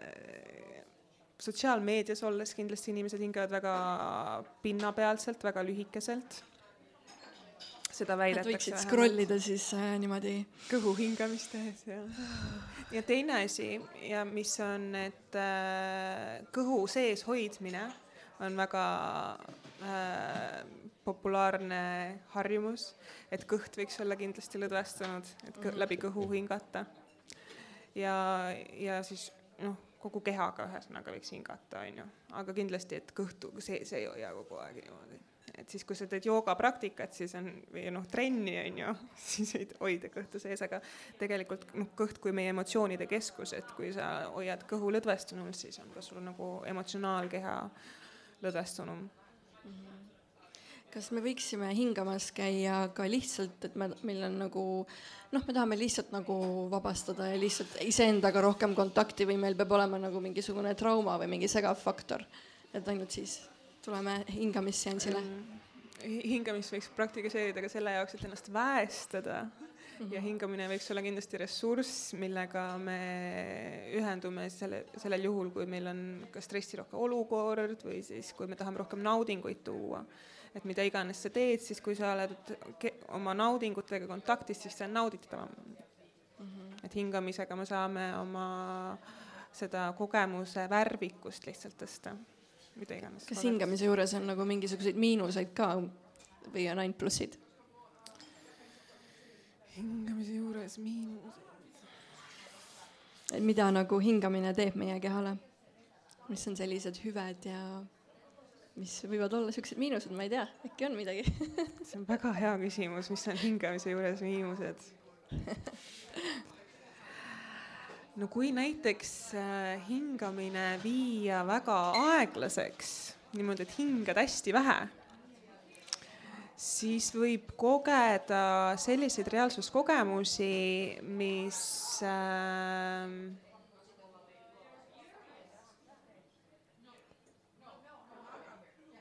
mis võib-olla seda siin, seda 3D-d füüsilist maailma selles süsteemis võib panna nagu kahtlema, et võib-olla see võiks olla üks miinus, et ta ähm, loob sellise muutunud teaduse seisundi, mis paneb nagu võib-olla muid asju nagu kahvatuma selle kõrval või? et mm. tegelikult on väga tore olla nagu sellest reaalsusest ülivaimustuses si. jah, siin maailmas selles reaalsuses jah ja. Ähm,. Kas võib siis öelda, et nagu see hingamine puhastab meie pulseerivat eluenergiat, mis meis pulbitseb? puhastab, jaa puhastab, aktiveerib, et erinevate hingamistehnikatega, tehnikatega saab erinevaid tulemusi mm. -hmm. Mida nagu hingamisega, hingamise käigus siis inimesed kõige rohkem nagu äh, vabastavad hetkel enda kehast, kui sa oled nagu noh, nüüd teinud, on ju, neli-viis aastat tööd, et, et mis sa tunned nagu, millist emotsiooni kõige rohkem vabastavad? mis on hingamisstatistika jah, räägin statistikast äh no enesehaletsust väga palju ähm,. No naistel on kurbus, meeste, mehed tahaksid kohe nagu vihasse minna eelkõige, aga no viha all on ka kurbus ähm,. aga väga palju on ka sellist nagu plissi kogemust ja sellist tänulikkust väga palju mm -hmm. sügavat sellist iseendaga kokkusaamise kogemus, et, äh, et see Jumala leidmine seestpoolt on üks sihuke põhiline koht, kuhu välja jõutakse. et siis selle nagu kogemuse kehasse ankurdamine, et kui mingisugune situatsioon on, siis sa leiad oma selle sisemise rahukoha üles ja saad läbi selle asja suhtuda mm. -hmm.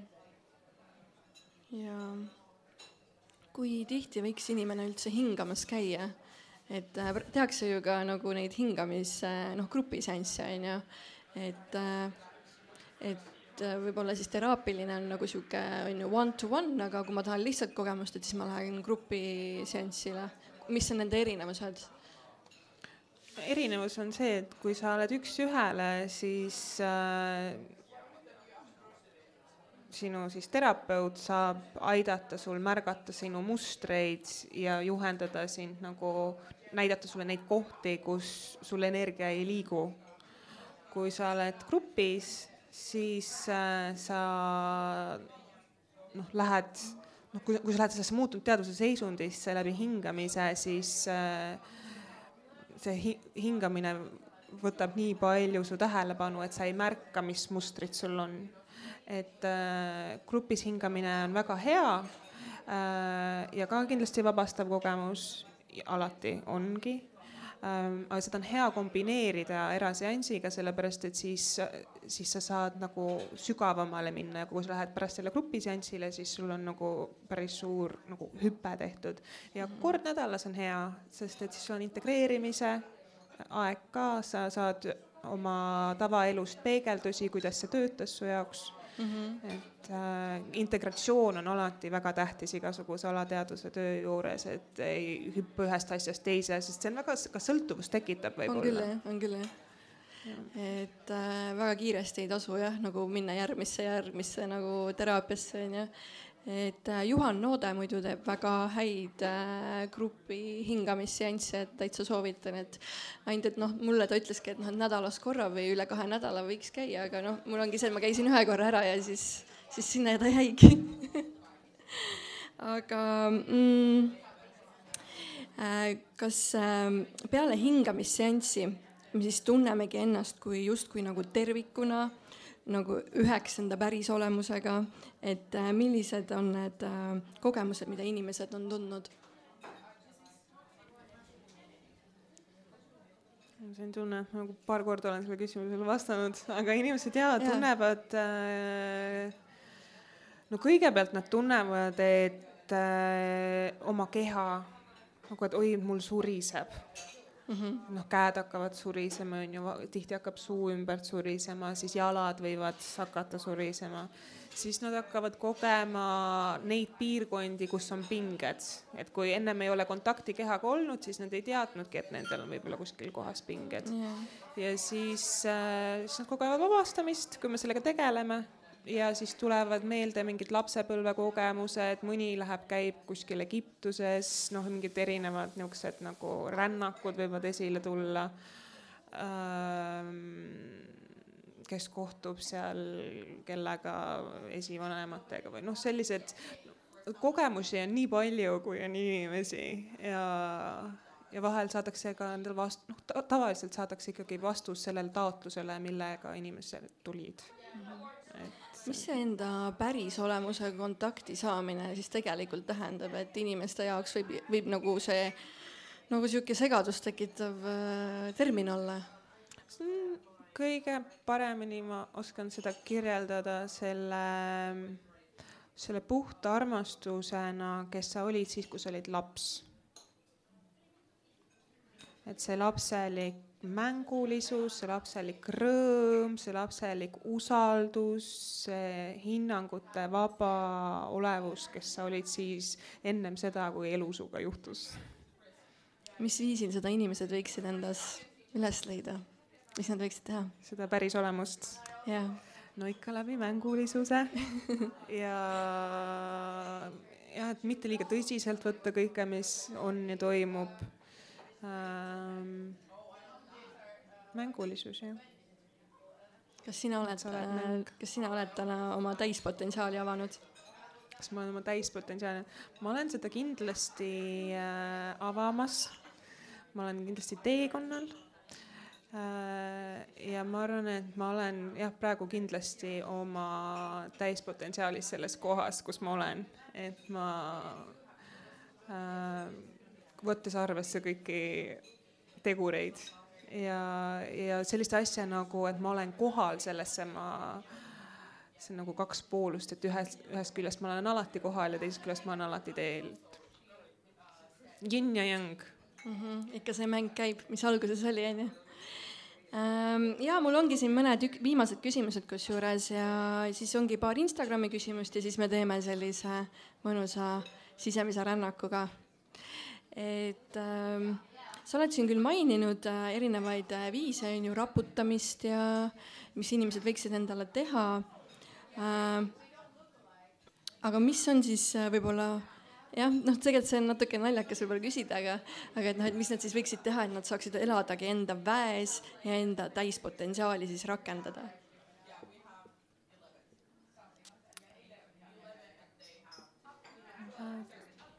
võib-olla kõigepealt tuleks äh, selgeks teha, et mis, mik-, miks sa elad mis on sinu nagu missioon siin kehas, et milli-, millised on sinu need kvaliteedid, mis äh, tulevad sul loomulikult välja, mida sa soovid rakendada ja mida on maailmal vaja.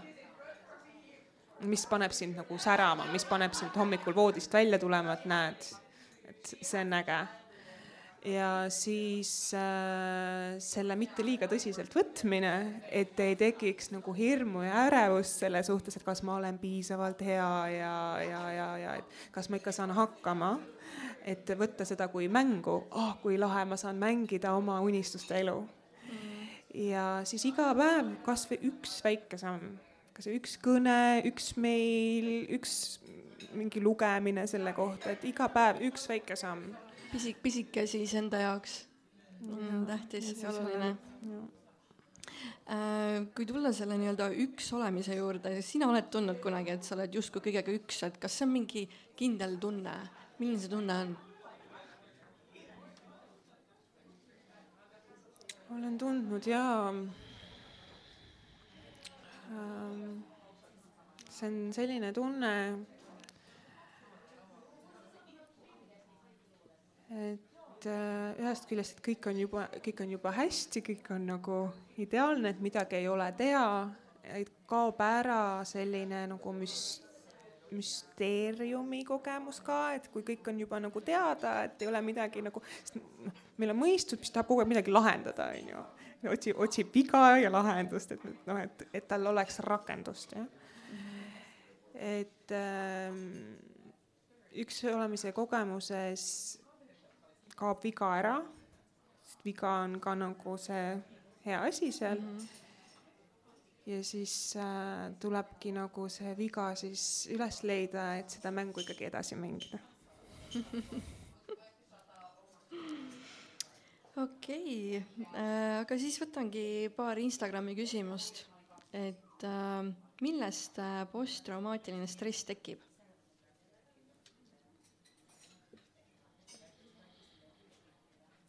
Ikka jällegi siis, kui ei ole saanud rakendada seda energiat, mis äh, sul tekkis iseenese päästmiseks mm. -hmm ja viimane küsimus on, et äh, millal ja miks tekkis krooniline depressioon?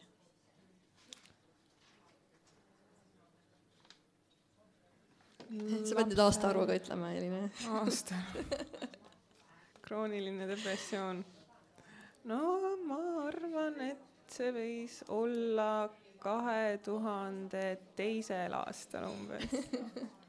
jaa et see on kindlasti ka no päritav, on ju, et mina äh, hakkasin raamatuid lugema hästi palju, et ma... no ilmselt see inimene jah, nagu tahab abi, vaata, et. kõigepealt ma hakkasin alkoholi jooma palju, lapsena nagu, ja siis ma hakkasin raam-, siis ma läksin kirikusse ja siis ma hakkasin raamatuid lugema. Robert Kiyosaki, Tony Robbins, Brian Tracy ja sellised nagu eneseabikurud tol ajal, et nendega ma käisin keskkoolis ja siis äh, nemad aitasid mind sellest nagu esimesest depressiooniaugust. kõigepealt kirik aitas ja siis aitasid need raamatud mm.. ja siis. Ja mind aitas ka raamatud äh, väga palju ja, ja krooniline depressioon võibki alata tegelikult äh, juba suguvõsast üle kantud äh, raskusena. et sa nagu ise tegelikult ei teagi, et, äh, et noh et mis see on ja miks mul nii suured rasked tunded on, aga see on lihtsalt nagu suguvõsa süsteemist siis nii-öelda üle kantud. ja mõttemustrid ja, ja. Harjumused. aga Elinal on siis meile väike üllatus ja me teeme siis niisuguse väikse sisekaemuse Elina juhtimisel. et äh, pange siis ennast mõnusalt valmis ja teeme, teeme ära. no proovime kui kaua, kas sina võtad aega või kui kaua see võiks olla? teeme kümme, kümme-viisteist minutit. kümme-viisteist minutit, okei okay nii, ups, kes siis soovib kaasa teha, siis on väga teretulnud. Võite istuda, aga paneme niimoodi, et paneme kaks jalga vastu maad mm. -hmm. niimoodi, et mõlemad jalad-allad on vastu maad mm. -hmm. väike vahe võib sees olla jalgadel mm. -hmm. niimoodi sa tunned, et sa oled maa maas, jah. nii, ja siis äh, selgroog on pikk, sabakont on vastu maad ja siis ähm, see selgroo ülemine lüli on taevasse, jah. nii, ja nüüd viime käed ülesse, hingame sisse, läbi suu. ja siis kukutame alla potsa.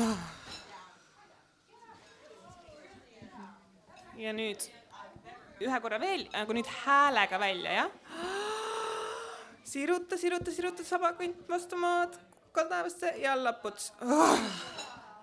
ahah, väga hea. kaks korda veel, ülesse. suu lahti, suu lahti läbi suu. Lõug on lõdvestunud, pealagi on taevasse ja allaputs oh.. nii, ja nüüd, kes häält ei teinud, siis teeb nüüd häälega ka ülesse. sabakont vastu maad. ja allaputs oh.. see on nüüd ülikiire viis, kuidas kehasse tulla ja lõdvestada, onju. nii ja nüüd suu on ikkagi lahti, keel on lõdvestunud, suu on lahti, keel on lõdvestunud, nüüd paneme silmad kinni. Suu on lahti, keel on lõdvestunud, kõri on lõdvestunud. ja nüüd tunned oma jalataldu. parem jalg ja vasak jalg. tunned väikest surinat. suu on lahti, jah, väga hea. nüüd tunned oma pahkluusid nüüd tunned oma sääri, parem säär ja vasak säär. Nüüd tunned oma põlvi ja hingad põlvedesse läbi suu. ja välja häälega oe mm. -hmm. nüüd hingad reitesse. ja välja oe mm. -hmm. nüüd hingad puusadesse. ja välja oe.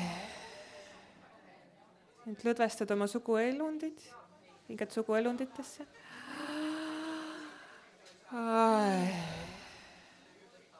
Nüüd hingad sabakonti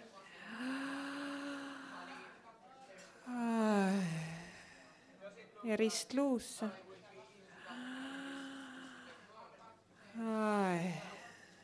ja nüüd tunned lüli-lüli haaval, kuidas su selgroog kasvab ristluu seest välja ja hingad selgroosse.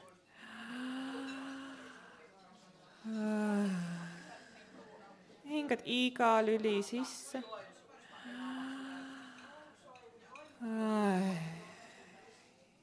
ja jälgid selgroogu kuni kuklani välja.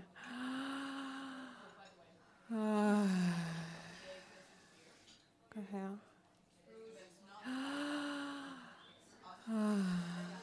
nüüd tuled tagasi ala selga, selgroogu pidi ja hingad kõhtu, hinga kõhtu, kõht läheb suureks. kõht läheb suureks, hingad välja, kõht vajub välja. uuesti kõhtu ja välja hingates hoolikad vajuvad laiali. uuesti kõhtu. ja maks kukub välja. ja diafragmasse. Ja lõdvestad. ja kopsudesse, suu on lahti. ja lõdvestad kopsud ja südamesse. ja lõdvestad südame. ja nüüd hingad südame ette. ja lõdvestad südame eest. uuesti südame ette. Ja lõdvestad südame eest. ja nüüd hingad südame taha lõdvestad südame tagant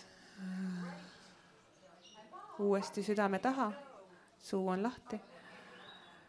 ja lõdvestad südame tagant. ja nüüd hingad südame sisse. hingad südame sisse. Ja nüüd paned tähele, kas on mingi erinevus sinu südametundel tema ees, taga ja sees. hingad suu lahti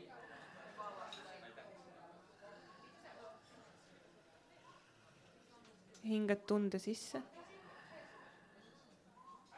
ja lõdvestad. uuesti tunde sisse. ja lõdvestad. uuesti tunde sisse.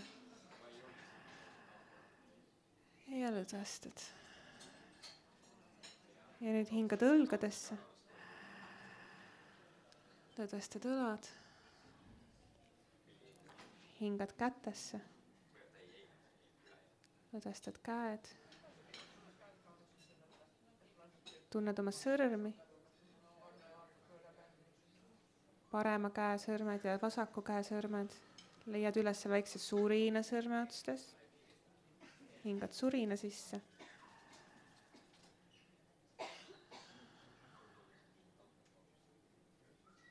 teed suu lahti, tuled, hingad kaela ja häälega välja, lõdvestad kõri.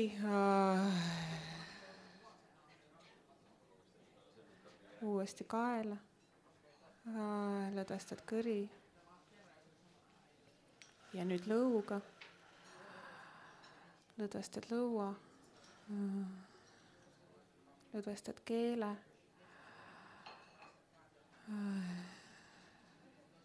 lõdvestad hambad las kukuvad kasvõi välja.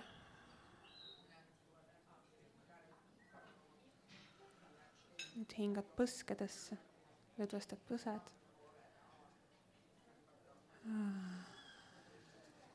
nüüd hingad kõrvadesse, lõdvestad kõrvad.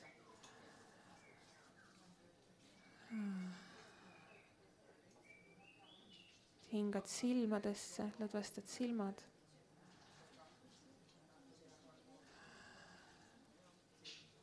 hingad silmade taha. lõdvestad silmade tagant. ja nüüd hingad sellesse ruumi, mis on sul silmade taga ja kõrvade vahel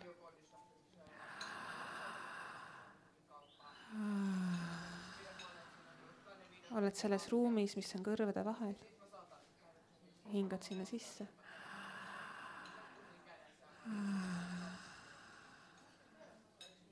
ja nüüd hingad aiu.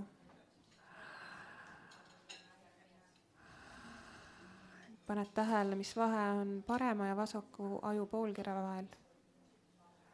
suu lahti. ja lõdvestad aju hingame uuesti ajusse ja välja hingates aju vajub laiali.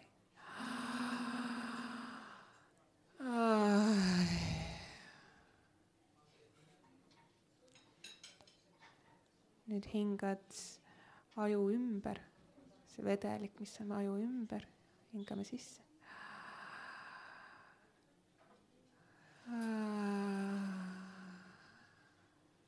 ja nüüd koljuluu sisse kolju vajub ka laiali. nüüd pea naha sisse.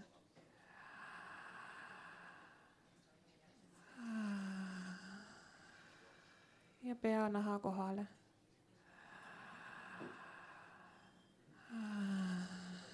ja nüüd sellesse ruumi, mis on kogu su keha kohal, umbes kümme sentimeetrit.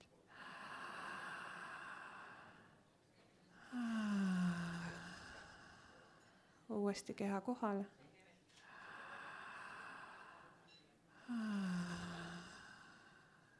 nüüd tuleme uuesti oma selgroo juurde. mäletad, meil oli ristluu ja selgroog, mis läks sabakondist kukla tipuni.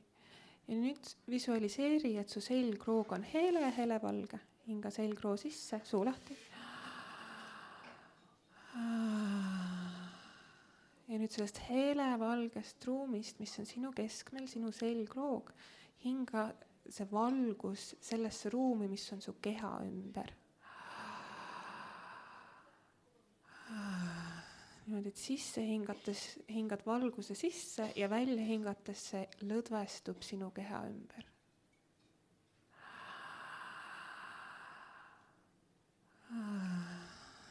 see on sinu ruum on sinu valguse ruum, sinu kese, sinu turvaruum. ja sellest ruumist pääseb sisse ainult see informatsioon, mis on sinu kõrgemaks hüvanguks. kõik ülejäänud põrkab sealt eemale. hingame selgroo sisse. ja lõdvestame valguse keha ümber. uuesti selgroo sisse ja valgus läheb keha ümber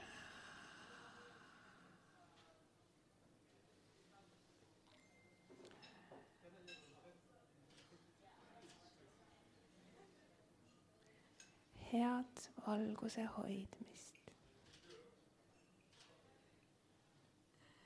aitäh, Elina. mina olen küll nüüd täielikult äh, lõdvestunud või noh, rohkem lõdvestunud, kui ma siia tulin ennem, et, et äh, väga suured tänud sulle, et aitäh, sa said tulla ka. siia enda aega panustama ja, ja sa teed väärt asja ja sa aitad paljusid inimesi iseendale lähemale, iseenda kehaga kontakti ja ise ennast tundmaks. aitäh kõigile, kes tulid ja kes kuulasid ja kes hoiavad valgust. jah. aitäh teile, kes äh, võtsid osa sellest kõigest. kas on veel muidu küsimusi Elinale lõpetuseks publiku seast ka? sa võid tulla siia lähemale ma tahaks öelda, et äh, tegelikult ei pea mitte midagi viga olema, et Elina juurde minna, et ma läksin ka esimest korda lihtsalt äh, kogema, vaatama, mida Elina teeb ja see avardas mind ja mu mõttemaailma väga palju, et see oli väga huvitav kogemus. aga mul on nüüd küsimus, mis mul tuli meelde praegu selle praktikaga, et iga kord, kui ma olen käinud äh, nendel rännakutel, et siis mul on tõsine probleem sellega, et nende hingamiste käigus suu kuivab lihtsalt ära ja ma ei tahaks seda suud kogu aeg lahti hoida. Et kas äh, selle vastu on ka mingeid nippe, et kuidas siis sellega toime tulla, et suu ära ei kuivaks? no see suu kuivamine on tegelikult esimesed mingisugune kümme, kümme-viisteist minutit. Ja tähelepanu suunamine lihtsalt, pööra tähelepanu mujale ja et äh, sellega, see on normaalne, see on tavaline. Sellega harjub ära ja mida rohkem sa teed, siis seda vähem see häirib ja, ja, sa ei pane seda enam tähele. et ähm, ma ei teagi, ma ei oska sulle ühtegi nippi anda. kui see, et tähelepanu suunamine, vaata, meid häirib see, millele me tähelepanu anname, nii. on veel küsimusi kellelgi? ei ole vist, ei tundu olevat. jaa, aga siis äh, tõmbame otsad kokku ja ma tänan sind väga, Elina täiega, täiega aitäh sulle. aitäh. my true collective love.